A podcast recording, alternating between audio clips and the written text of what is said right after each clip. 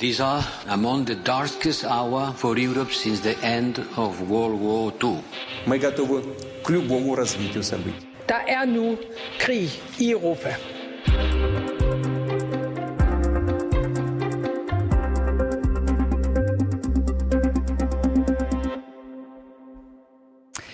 Befinder os i det sydlige Europa i nogle mildest talt imponerende bygninger.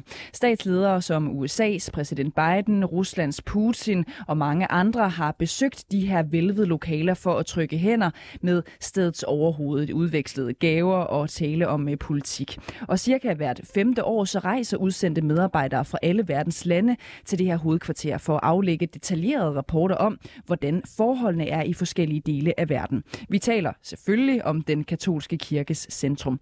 Vatikanet er nemlig ikke bare en turistattraktion med flotte kirker, det er også en lyttepost i international politik. Og der flyder masser af informationer til pavestolen i Rom. Blandt andet rygtet om, at russerne vil slutte krigen i Ukraine på mandag, et rygte, som paven gav videre til offentligheden tidligere på ugen. I dagens program ser vi nærmere på Vatikanets rolle i international politik og afprøver rygtet om, at denne uge bliver den sidste med krig i Europa.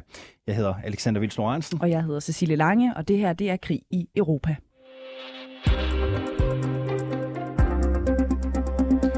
Pave Frans har i et interview med den italienske avis Corriere della Sera sagt, da jeg mødtes med Orbán, fortalte han mig, at russerne har en præcis plan om at slutte krigen i Ukraine den 9. maj. En udtalelse, man måske ikke lige havde forventet at høre fra paven. Andreas Rude, godmorgen og velkommen. Tak skal du have. Du er forfatter og kommentator på Kristelig Dagblad. Er det normalt for en pave at blande sig i krige på den her måde? Øh, Frans har en særlig stil, så det er ikke normalt for ham, at, altså det er ikke normalt for paver at give interviews på den måde til store italienske eller andre aviser. Men, øh, men han har sin egen stil, men det er normalt, at pave interesserer, paver interesserer sig for krige, paver interesserer sig for konflikter rundt omkring i verden. Ikke fordi de håber på at få noget ud af det, politisk, militært eller økonomisk, men fordi de interesserer sig for at male og skabe fred. Hvorfor er det, Pave Frans han siger det her? Han siger det vel, fordi det kunne jo være, at det var rigtigt, at russerne havde den plan der. Men i interviewet, der skriver han, der siger han også, at han er meget pessimistisk. Øhm, men det er det der er det interessante er jo, at Orbán kommer til paven og siger den slags. Og hvor har Orbán det fra? Er det noget, som er det et eller andet signal, som russerne forsøger at sende ud i resten af verden via Orbán og via øh, pave Frans? Det kan man jo så spekulere over.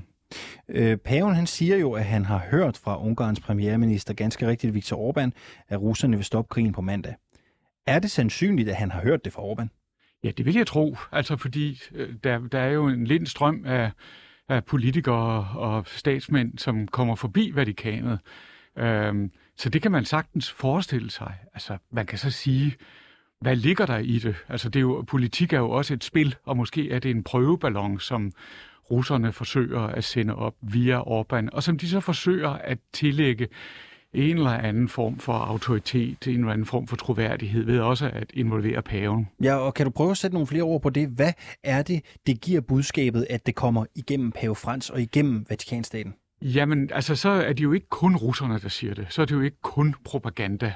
Så er det ikke kun noget, som vi andre automatisk er meget skeptiske over for og, og tager afstand fra. Altså, når vi står og taler om det her til morgen, så er det jo netop fordi paven er øh, involveret. Og det er også bedre, end hvis det kommer fra Orbán, fordi Orbán jo er den af de vest eller de europæiske politiske ledere, der har ligget tæt på Putin, ikke? eller stadig ligger tæt mm. på ham. Ikke? Så igen, vi træder ligesom ud af de normale brudflader ved at involvere paven, og, og det er jo interessant. Ja, og, og hvor stor en international anerkendelse, eller hvor meget vægt lægger vi på ord, når de kommer fra paven i Vatikanstaten? Jamen, så lytter folk jo på en anden måde, fordi paven er jo ikke, og Vatikanstaten er jo ikke medlem af NATO. De er heller ikke medlem af, af EU. De, er jo ikke, øh, de har ikke nogen økonomiske eller militære eller politiske interesser, øh, men de har meget stor erfaring med diplomati og med mailing. Øh, faktisk kan man sige, at det er jo i pavestolen, at den moderne udgave af diplomatiet er, er opfundet. Hvad betyder det? Jamen, det betyder, at, at, øh, at i sin tid, der, i renaissancen, jamen, når fyrsterne skulle tale med hinanden, så skete det ofte via kirkens folk. Fordi de var jo rundt omkring over det hele. De var veluddannede, de kom fra samfundets øverste lag. Øh, så det var en vældig troværdighed ved det. Og den praksis har man faktisk fortsat helt op til vores tid. Kan paven udnyttes? Kan russerne, øh, Orbán måske også, kan de lykkes med øh, at formidle budskaber via paven, når hans ord betyder så meget i store dele af verden? Jamen, paven tror jeg ikke har noget imod at blive en lille smule udnyttet, fordi han er meget interesseret i, og har været det hele tiden, i at male. Men han har også sagt, at vi skal jo have russerne ombord, før det kan du at male. Han er, han er også blevet inviteret af Zelensky til Ukraine, og Zelensky har opfordret ham til at male. Men det dur jo ikke, så længe russerne ikke er med. Øhm, hvordan indsamler pavestolen egentlig informationer i praksis? Fordi du siger jo også, at det sådan er en slags politisk lyttepost.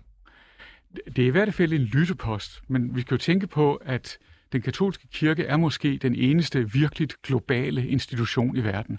Der er ikke noget sted på jorden stort set, hvor der ikke er en katolsk kirke, et katolsk sogn, et katolsk bispedøm, katolsk hospital, katolsk skole og en katolsk nødhjælpsorganisation til stede.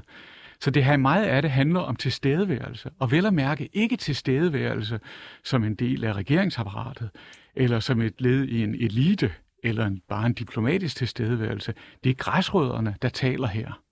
Også øh, Putin har jo tidligere besøgt og talt med paven. Har de to egentlig en god relation? Paven møder jo alle mulige mennesker i Vatikanet, og hvis man lytter til, øh, hvad han har sagt her de sidste par måneder, så er der ingen tvivl om, at han ikke bryder sig om det, som Putin har foretaget sig i Ukraine. Hvordan kommer det til udtryk? Det kommer til udtryk af, at han taler om en uretfærdig krig, han taler om en, en grotesk krig, han taler om en krig, der medfører enorme øh, flygtninge og sorg og, og den slags ting der.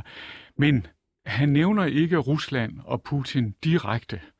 Og hvis han gjorde det, så ville han jo bare gøre det, som vores politikere gør, og alle mulige andre gør. Og det vil sige, at så vil han jo svække sine egne muligheder for at, øh, for at kunne male. Den slags diplomatiske forhandlinger handler jo ofte om at give folk et finblad. Mm. Give folk en mulighed for at komme ud med skinnet på næsen, eller uden at tabe ansigt fuldstændigt.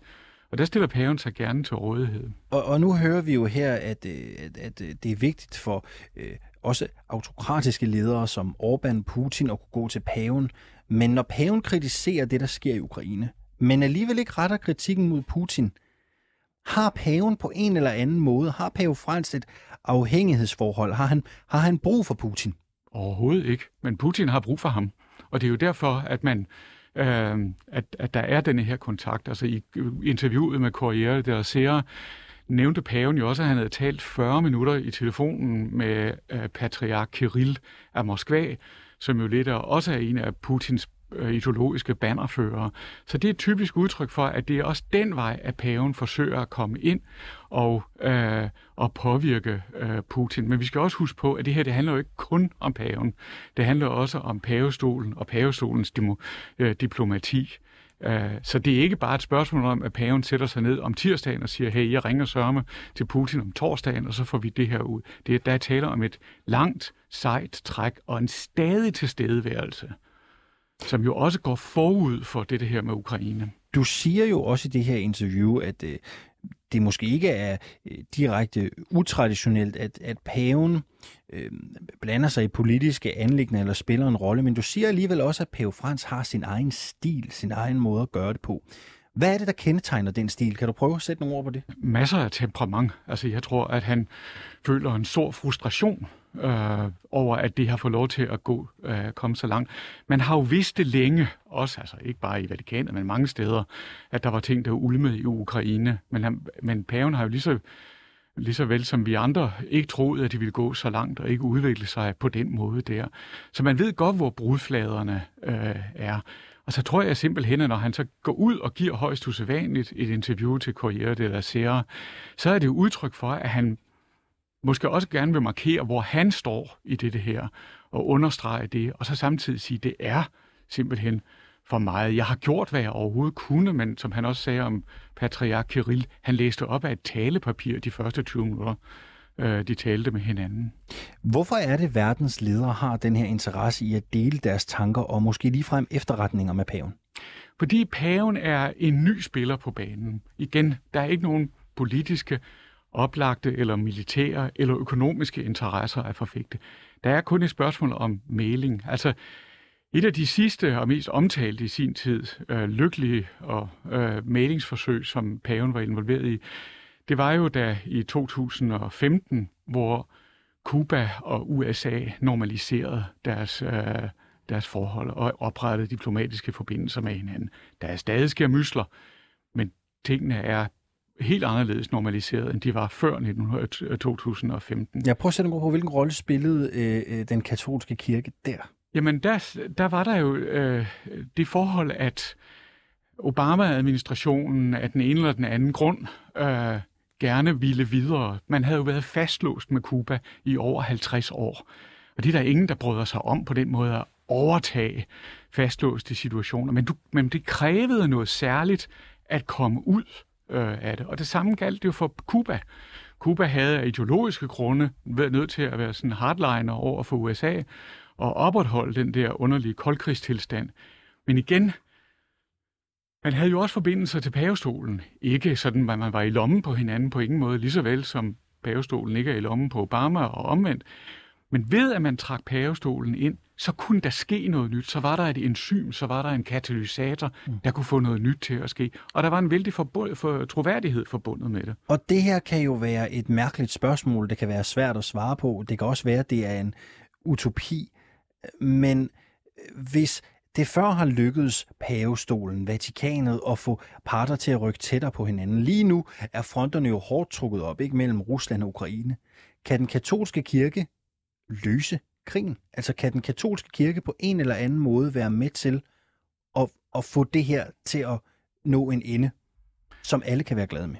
Altså det kunne man da, øh, det er jo i hvert fald det, den forsøger. Øh, og det er det, den forsøger, at den forsøger at række især russerne det der fine blad at, øh, at vi tager jer alvorligt. Vi vil gerne høre, hvad vi... Og måske har man i pavestolen en større forståelse for de kulturelle og religiøse dele af ideologi, der driver, øh, der driver øh, russerne. Men jeg tror i virkeligheden først og fremmest, at pavestolen er motiveret af det, der skal komme efter på et eller andet tidspunkt. Fordi på et eller andet tidspunkt slutter det her. Måske ikke på mandag, måske heller ikke om tre måneder, men på mm. et eller andet tidspunkt slutter det. Og så skal parterne jo igen forsones på en eller anden måde. Mm. Og der tror jeg, det er det lange træk, man kigger mod. Andreas Rude, du er forfatter, du er kommentator på Kristelig Dagblad. Tak fordi du var med her øh, til morgen. Det var en fornøjelse.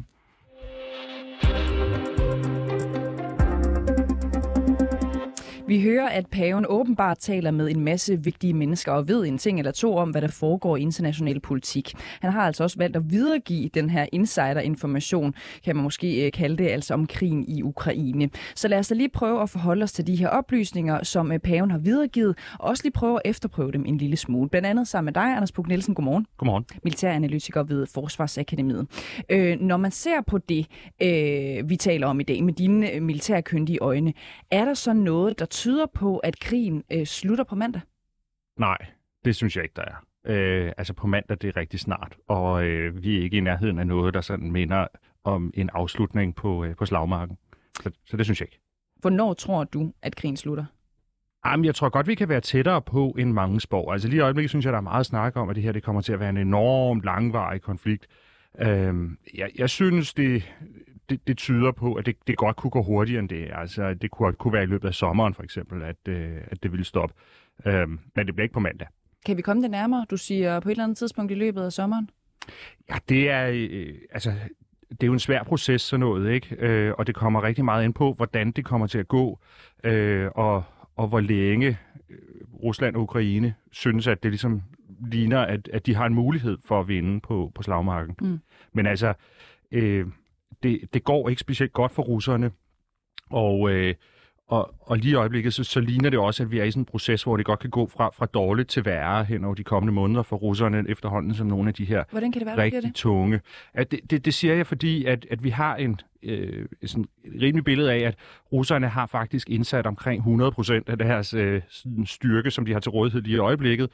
Øh, og hvis det ikke er nok til rent faktisk at løse problemet øh, og opnå de militære mål, hvad skal de så gøre?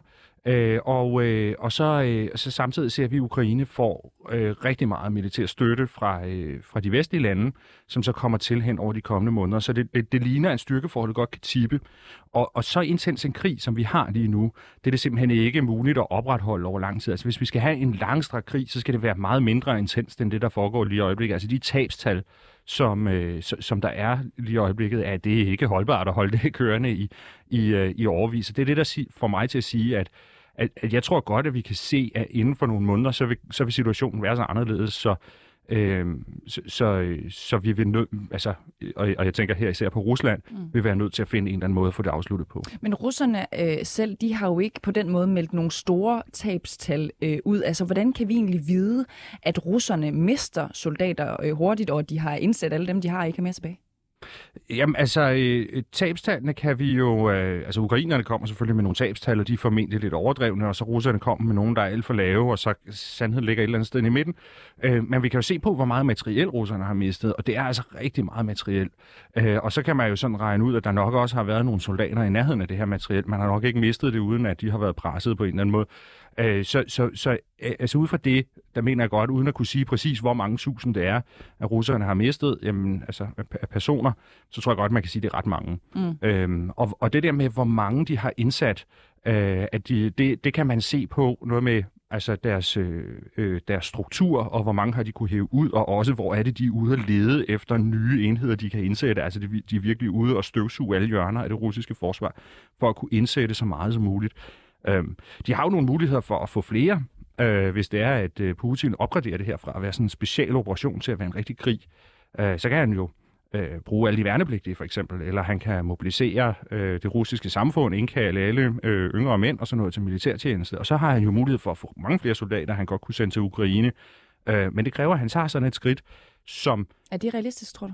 Øh, det, det vil i hvert fald have en række negative konsekvenser for det russiske samfund, og, øh, og han risikerer at sætte hele støtten til operationen øh, over styr. Altså, øh, I befolkningen? Ja, i, i den russiske befolkning, og ultimativt undergrave sin egen position som leder for Rusland. Og derfor så tror jeg ikke, det kommer til at ske. Mm. Så det lyder også på dig som om, at vi med alt det her øh, øh, en mente, kan godt slå fast, at det går dårligt for russerne på, på slagmarken øh, øh, lige nu. Hvad, hvad er gået galt? Hvad, hvad er de største punkter, hvor du kan sige, det her gik galt? Altså, russerne formåede faktisk at få sat rigtig meget over styr i løbet af den første uges tid af krigen, hvor de øh, kom ind med nogle helt forkerte antagelser om, hvordan krigen skulle vindes, og øh, hvordan øh, det ville øh, gå.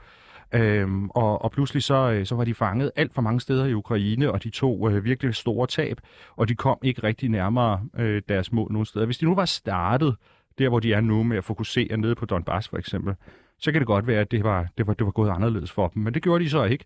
Øhm, og, og nu prøver de så at reparere på det. Og det er også det, der gør, at jeg tror, at i øjeblikket så, øh, så, så virker udmeldingerne fra ukrainsk side og fra amerikansk side som om, at nu mener man altså, at nu skal den her krig vindes. Så det tror jeg også, fordi man ser den der mulighed for, at nu kan, nu kan det altså lade sig gøre, fordi russerne netop formåede at, at få så store tab i starten af krigen, at øh, altså står de i en dårlig situation nu, hvor det rent faktisk er muligt øh, at slå dem. Mm. Øhm, så hvis vi bare lige prøver at opsummere en gang til. Det går dårligt på slagmarken. De russiske soldater bliver øh, dræbt øh, hurtigt, og der vil øh, på en eller anden måde... Øh, det, det siger du i hvert fald, det vil have for store konsekvenser, tror du, for Putin at massemobilisere altså nye soldater i, i Rusland for eksempel. Øhm, tegn på, at krigen snart øh, slutter, øh, nok ikke i morgen, men så måske i løbet af, af sommeren. Men bare lige for, at vi alle sammen helt med. Altså, vi kommer vel ikke til at se, at russerne bare overgiver sig og, og trækker sig tilbage i løbet af de kommende måneder, eller hvad? Nej, det tror jeg ikke, og jeg tror heller ikke, russerne er der, hvor de nu selv mener, at, krig, at, at det er overstået. Altså, øh, de kæmper stadig deres chance, og, og det skal man selvfølgelig heller ikke sådan fuldstændig afvise, at det pludselig kan komme noget momentum. Men jeg synes ikke rigtigt, at vi ser tegn til det. Jeg tror, at det, der kommer til at ske, det er, at det ligesom går i stå, og så på et eller andet tidspunkt kommer det til at gå, gå baglæns for russerne. Øhm, og Hvad så betyder det egentlig, baglæns for russerne? Ja, ligesom vi så op ved Kiev. De havde også en stor offensiv, der vandt hurtigt frem, og så pludselig så gik det hele i stå, og så en 3-4 år efter, så begyndte det faktisk at være sådan, at ukrainerne havde succes med nogle modangreb. Mm. Øh, konkret så har du fuldstændig ret. Det kommer jo ikke til at være sådan, så Putin går ud og så erklærer, at øh, det er at skulle tabt den her. Det beklager jeg, det var min fejl. Altså, han er, sådan er han ikke. Uh, han kommer til at gå ud og, og, og køre det her helt op som den store krig, og, øh, og det var faktisk ikke ukrainerne, det var NATO og alt muligt andet, og øh, øh risiko for atomkrig, og, og Vesten støttede nazisterne, og alle sådan nogle ting der. Så det kommer til at være en, en, en form for exit, der i virkeligheden lægger grund til en, en endnu større konflikt efterfølgende, hvor vi, vi står i modsætning mm. til hinanden. Hvordan ser det egentlig ud, når en krig slutter nowadays? For jeg tror, vi har alle sammen set historiske billeder, øh, billeder for, for krige øh, før i tiden, hvor man nærmest ser øhm, øh, slagende soldater med at alle deres pakkenelliger på ryggen og, og, og, og træske hjem af i, i bogstaveligste forstand. Hvordan ser det ud, når en krig slutter nu til dags? Ja, altså, øh, vi har jo faktisk nærmest vendet os til, at krige ikke slutter, men de bare sådan på en eller anden måde fiser ud i ingenting, og så fortsætter på, på lavt blus. Uh, man kan sige, uh, vores uh, vestens exit fra Afghanistan er vel tegn på, hvordan en krig slutter, at uh, den ene side simpelthen erkender, at det her, det er ikke det værd, og nu, uh, nu, nu dropper vi det. Nu, nu, nu, nu tager vi hjem. Det kan være, at det her er et dumt spørgsmål, men jeg får alligevel lyst til at stille dig det. Uh, nu har øh, paven jo været ude og sige, at der kan være chance for, at krigen den slutter på mandag. Det siger du selv er usandsynligt. Hvad skulle der egentlig ske, hvis den skulle slutte på mandag? Hvad, hvad vil det kræve? Altså, øh, jeg må indrømme, jeg har rigtig svært ved at se det, for det er ligesom om forudsætningerne ikke er der øh, for, at, øh, øh at, at den skulle slutte på mandag. Øh, jeg, jeg har meget svært ved at se, at øh, ukrainerne er et sted, hvor de er indstillet på at, at indgå nogle fredsaftale i hvert fald. Jeg synes for mig at se, at russerne virker til, at de har rigtig meget lyst til at indgå en fredsaftale øh, lige i øjeblikket. Det vil være til deres fordel at få den her krig afsluttet. Men hvad der skulle ligesom få, få det her til at, at gå op inde på mandag, det, øh, det, det, det, det er så usandsynligt, det kan man simpelthen næst, det kan man nærmest ikke spekulere i. Nej, det, det synes Ej, jeg ikke. Nej. Nu fokuserer vi jo i dag på øh, den her efterretning, kunne man nærmest kalde det, som Pave Frans altså har fået angiveligt fra Viktor Orbán. Hvad tænkte du egentlig, da du hørte den her nyhed? Altså, øh, Pave Frans øh, videreformidler information fra Viktor Orbán om, at jamen, grins, den slutter i morgen. Ja, altså, jeg har svært ved at tro, at øh, Viktor Orbán er en specielt troværdig kilde. Det, det, det må jeg nok sige. Og så, øh, og, og så tænker jeg også, at, at altså, hvis, øh, hvis Pave Frans har sådan nogle øh, efterretninger, så må det ikke også, der er nogle andre, der også har sådan nogle efterretninger. Jeg synes ikke, at jeg ser amerikanerne eksempelvis agere i forhold til, at krigen skulle slutte på mandag. Mm. Og du køber ikke helt den der med, at øh, Pave Frans har noget noget særlig viden, som alle mulige andre øh, kloge mennesker. Det ville da være dejligt, hvis den, øh, hvis den ville slutte, men, men jeg synes ikke, det er det, det ligner. Mm. Øh, her til sidst, Anders Puk Nielsen, er det fuldstændig op til russerne, hvornår krigen slutter? Jamen, det er det jo, altså, man kan sige, lige i øjeblikket, så, så, så vil, ligner det jo, at ukrainerne og amerikanerne har valgt, at det er sådan, det skal være, at de ser en mulighed for, at det rent faktisk skubber russerne ud tilbage til, til der, hvor vi stod i hvert fald før den 24. februar. Måske endda endnu længere tilbage. Det vil sige, det virker ikke som om ukrainerne er indstillet på, at, øh, at den her krig, den skal slutte med en eller anden aftale, hvor russerne får noget som helst ud af den her. Øh, så, så det vil jo så sige, ja, øh, det er det, og jeg tror også, det er sådan, vi skal forstå, når den amerikanske udenrigsminister går ud og siger, eller nej, forsvarsminister var det, der sagde, jamen nu er målet sådan set at nedkæmpe russernes evne til at indlede nye krige i fremtiden. Jeg, jeg tolker det som sådan et, øh, et, et budskab til russerne om, at I bestemmer sådan set selv, hvor meget I har lyst til at tabe, fordi at det her, det kommer bare til at ved med at, at gøre under nogle længere eventer med at stoppe krigen, nu, øh, nu mere kommer I til at miste. Mm. Anders Puk Nielsen, militæranalytiker ved Forsvarsakademiet. Tusind tak, fordi du var med os. Velkommen.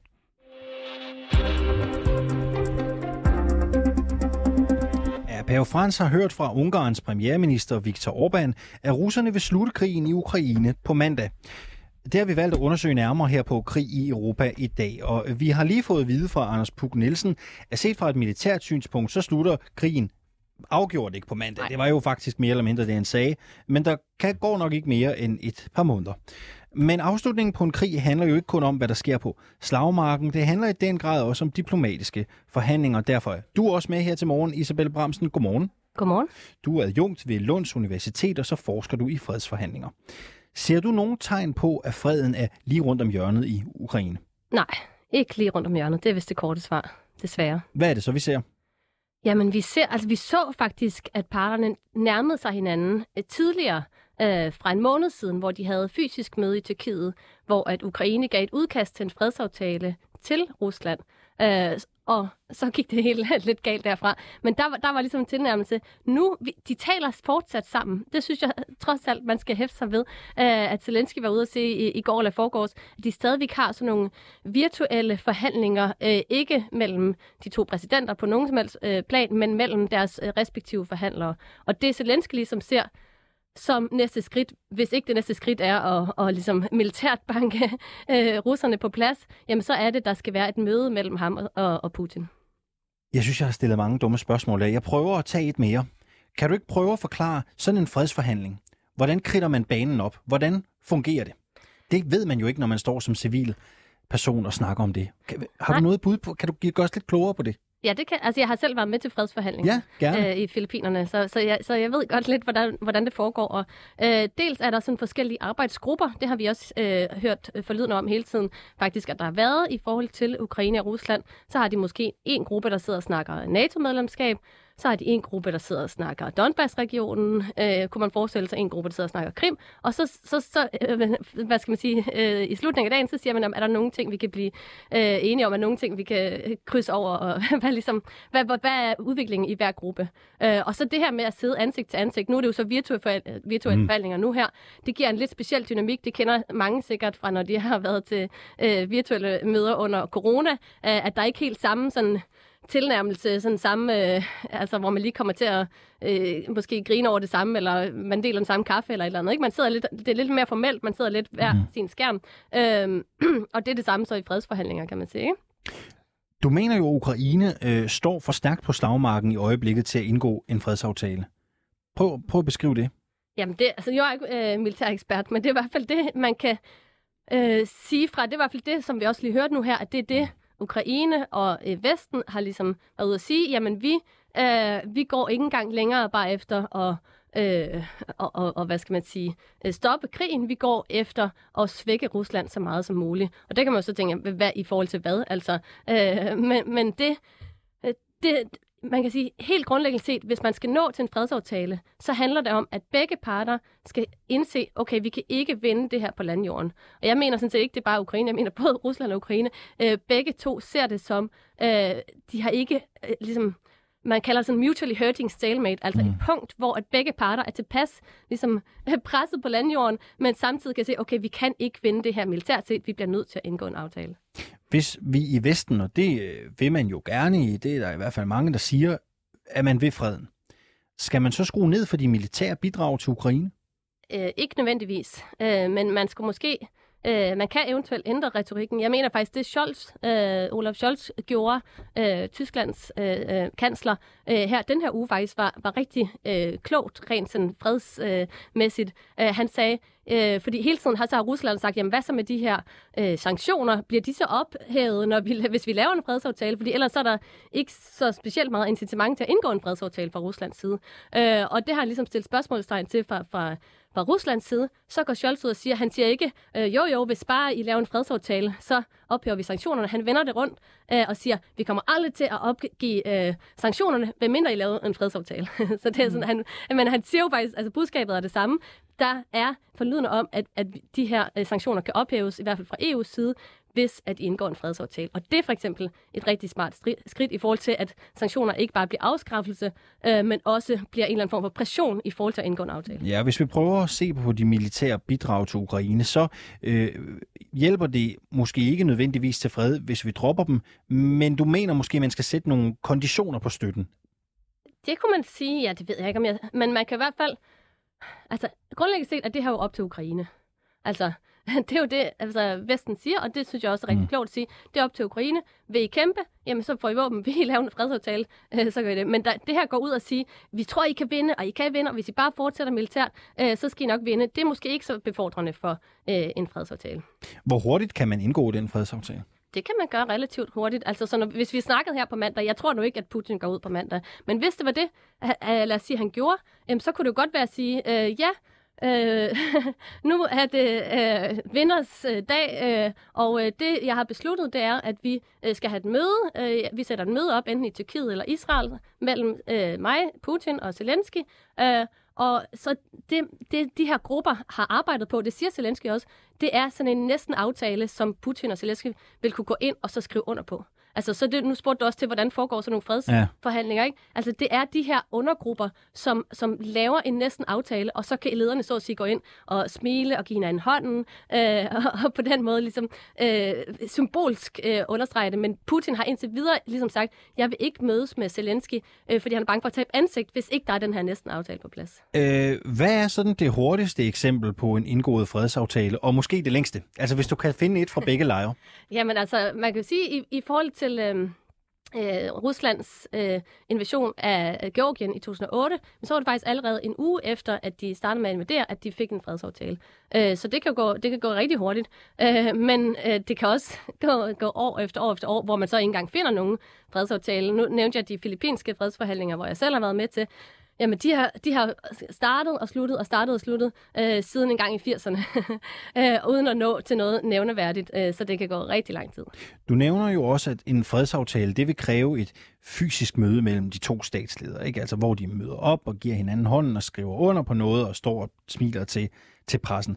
Men det er noget med, at Putin og Zelensky har forskellige krav til, hvad der skal være på plads, før de vil mødes. Ja. Hvad er det egentlig, det går ud på?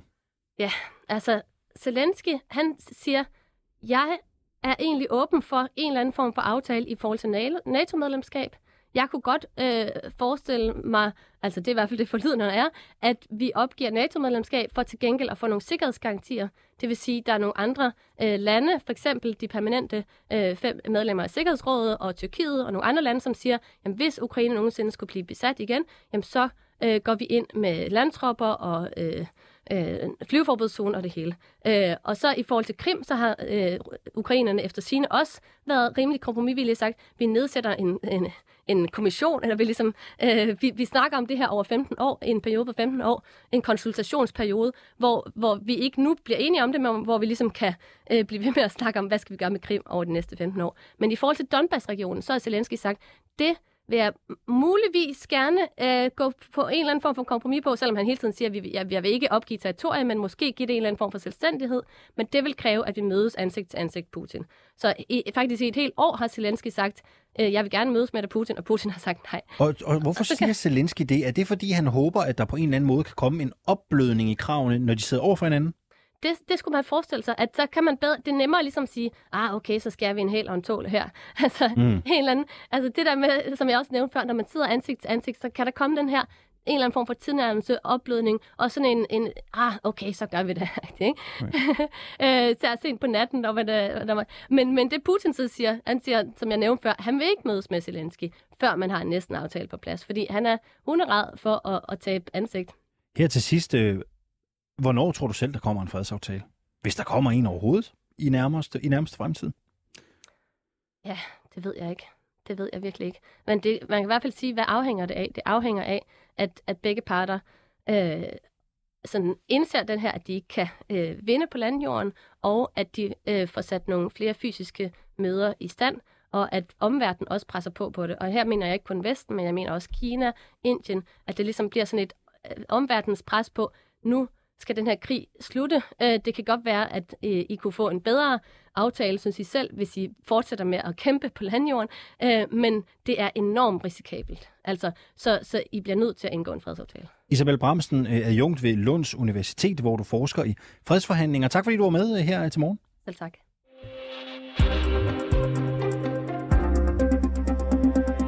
Du har lyttet til Krig i Europa. Redaktionen bag dagens program er Oliver Bernsen, Sofie Ørts, Kevin Shakir og redaktør Christine Randa. Mit navn det er Cecilie Lange. Og jeg hedder Alexander Vils Lorentzen, og husk at du kan finde den her og alle øvrige udsendelser fra Krig i Europa i vores 24-7-app, eller der, hvor du foretrækker at hente dine podcasts. Du kan naturligvis også lytte med øh, hver morgen mellem klokken 8.30 og 9.